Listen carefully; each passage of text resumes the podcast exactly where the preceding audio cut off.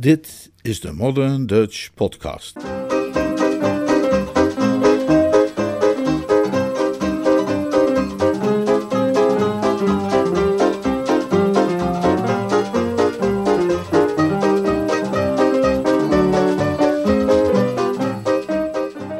hoop dat iedereen, ondanks de sociale beperkingen die op het ogenblik gelden, een plezierige kersttijd heeft.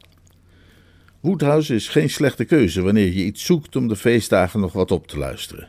Boeken, luisterboeken, films, muziek, er is van alles. Op verschillende plaatsen op het internet kwam ik een Woodhouse pastiche tegen onder de titel Jeeves Deals with Coronavirus. Hij stamt al uit maart 2020, tijdens wat we nu weten dat pas de eerste golf was. Maar inhoudelijk is hij op het moment helaas opnieuw actueel. Daarom leek het me leuk om die uh, pastiche voor de Modern podcast alsnog te vertalen en voor te lezen. Hij is toepasselijk en erg goed geschreven. Er bestaan talloze pastiches van Woodhouse en de meeste zijn niet zo best. Voor onze podcast heb ik er al meerdere vertaald, besproken en geheel of gedeeltelijk voorgelezen, zoals die van Sebastian Fox en Ben Schott. Er was doorgaans veel kritiek op mogelijk, al blijft het schrijven van pastiches natuurlijk voor de Woodhouse-liefhebber altijd een aardig zijpad om te bewandelen. Ik heb mezelf er ook wel eens aan bezondigd. Uh, het, het, verhaal Het Sinterklaasgevoel. Het Modern Dutch podcast nummer 62. Deze, overigens hele korte coronapastiche, Jeeves Deals with Coronavirus, viel me op door de voortreffelijk getroffen stijl en verder ook door de milde, immanente spot die erin gedreven wordt met het ons bekende Woodhousiaanse escapisme, waarin wij ons overigens maar al te graag wentelen, nietwaar? De schrijver van het stukje is Eduardo Garcia, maar wie zich achter die naam verschuilt is me nog niet duidelijk geworden, sorry. Veel plezier met het verhaal en verder wens ik iedereen natuurlijk nog een aantal plezierige feestelijke dagen en vooral een gezegend 2020. Een toekomst waarin een verhaal als dit hopelijk snel onbegrijpelijk wordt.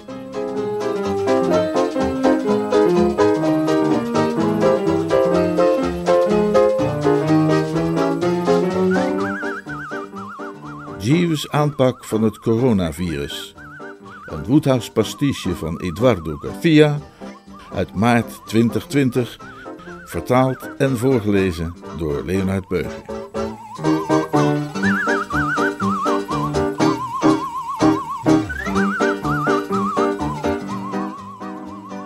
Als altijd kwam Jeeves op het exact juiste tijdstip de kamer binnen. Niet te vroeg, niet te laat, maar precies toen ik op het punt stond mijn ogen te openen, verscheen de brave kerel in beeld met in zijn handen het presenteerblad met daarop het verkwikkende kopje ochtendthee.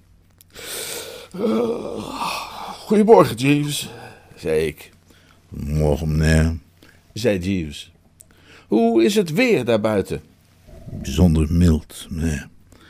Een aangenaam zoele middag ligt in het vooruitzicht.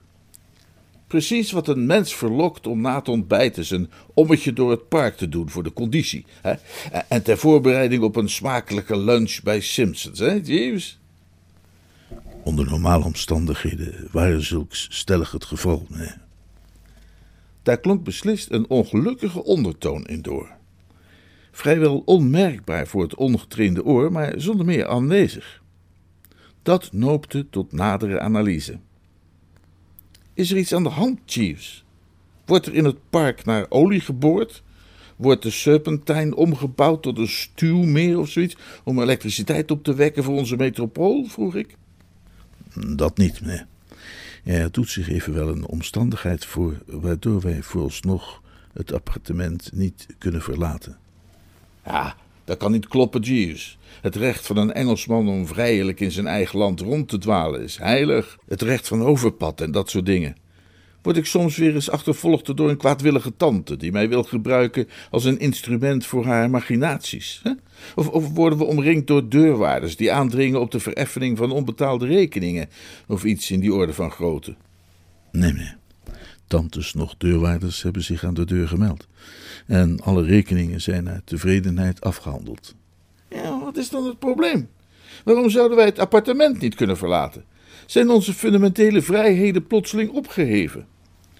Opgeheven is niet het juiste woord om de huidige situatie te beschrijven, meneer.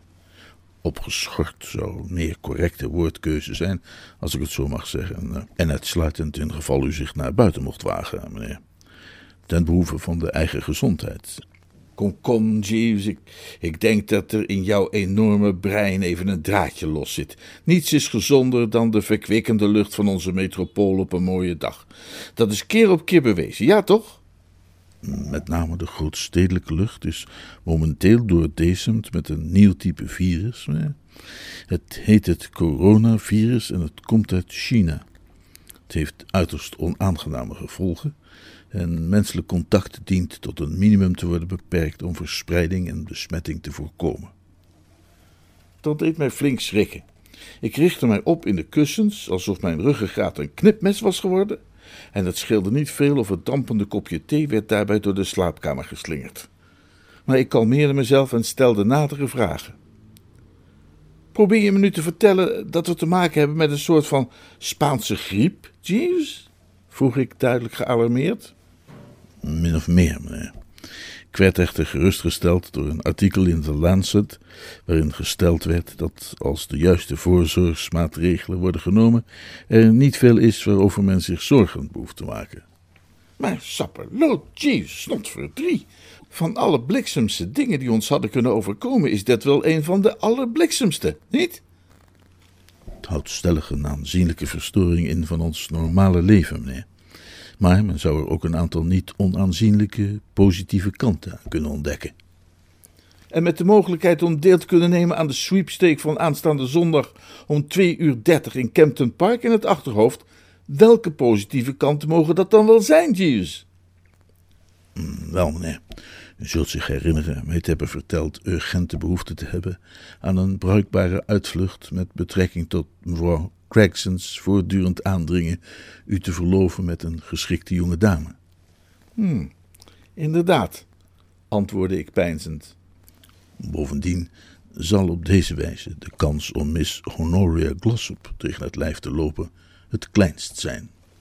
Ja, je hebt gelijk, zei ik al flink opklarend. Nog maar te zwijgen van Lord Sidcup, meneer en Miss Madeline Bassett. Ja, en haar verdomde vader, Sir Watkin Bassett, voegde ik eraan toe, langzamerhand beslist positief over de hele kwestie. Inderdaad, meneer. Er klonk bepaald een hoopvolle, ja zelfs vrolijke toon rond de hele toestand. De sombere duisternis verdween uit de atmosfeer, die al meteen veel lichter werd en overgoten met gouden tinten. Wat huisarrest schrikte me niet bepaald af, wanneer ik daardoor niet alleen beschermd zou worden tegen dat Oosterse virus, maar ook tegen alle bovengenoemde pestilenties in menselijke gedaante.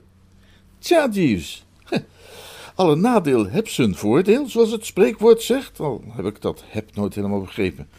Uh, bovendien heb ik juist onlangs de voorraad grammofoonplaten en bladmuziek stevig aangevuld. Uh, en ook een stuk of tien van de meest bloedstollende detectiveboeken ingeslagen. Je weet wel, literaire thrillers.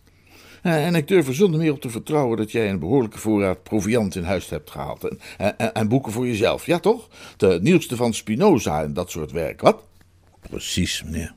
Bovendien heb ik het geluk gehad om van Lord Yaxley's echtgenote haar boek met recepten voor cocktails in bruikleen te krijgen. Een aandenken dat ze heeft bewaard uit haar dagen bij de Criterion. Werkelijk, Jeeves. Ik heb gehoord dat sommige daarvan eenvoudig legendarisch zijn en dat niemand die ooit meer heeft geproefd sinds zij daar met pensioen is gegaan. En er is nog iets, meneer. Ik vrees dat ik nalatig ben geweest u daarover niet eerder te hebben geïnformeerd. Ja ik wist het. Juist toen ik in opperste stemming was na het vernemen van al dit nieuws, stond het lot natuurlijk alweer klaar om de ploertendoden te hanteren. Maar wij woesters zijn voor geen kleintje vervaard. Ik zette me dus schrap voor de klap. Zeg het maar, Jeeves. U zult zich herinneren, meneer, dat gisteren in de Junior Ganymede Club een diner werd gegeven ter ere van monsieur Anatole als erkenning van diens culinaire uitmuntendheid. Ik geloof inderdaad dat je zoiets gezegd hebt voordat je daarheen ging, Jezus. Na afloop van de feestelijkheden bood ik aan om Monsieur Anatole naar station Paddington te begeleiden, waar hij de laatste trein naar Brinkley Court wilde nemen. Maar helaas kreeg de taxi een mechanisch probleem en konden wij zodoende het station niet tijdig bereiken. Ik heb daarop de vrijheid genomen monsieur Anatole een bed aan te bieden in de logeerkamer. Bedoel jij te zeggen, Jeeves, dat Anatole hier nu ook voor enige tijd in quarantaine is? Ja, meneer. En hij is zo dankbaar voor onze gastvrijheid onder de omstandigheden rond dit virus, dat hij heeft aangeboden dagelijks voor ons te koken, zolang hij verhinderd is terug te keren naar Brinkley Court. En vertel jij me nu, Jeeves, dat wij hier nu niet alleen vrij zijn van alle soorten ongedierte, klein en groot, of we meer dan genoeg lees- en luistermateriaal beschikken, eh, cocktails kunnen proeven van een legendarisch niveau, eh, en bovendien aan dat trots culinaire wonderen geserveerd zullen krijgen voor ontbijt, lunch en diner. Als mede met theetijd, meneer. De schoonheid van dit scenario drong langzaam tot mij door. Jeeves had het weer gefixt. Dat gigantische brein had weer eens de perfecte oplossing gevonden voor een lastig probleem. Jeeves, zei ik, wist jij van dit coronavirus of hoe het ook heten mag, voordat die isolatiemaatregelen werden afgekondigd? Uh, mijn exemplaar van The Lancet is hier stipt als altijd drie dagen geleden aangekomen, meneer. En men kan dus verder aannemen dat het technisch probleem met die taxi niet helemaal aan het toeval te wijten was. Het feit dat de chauffeur getrouwd is met een van de nichtjes van mijn neef Albert kan niet helemaal buiten beschouwing worden gelaten, meneer.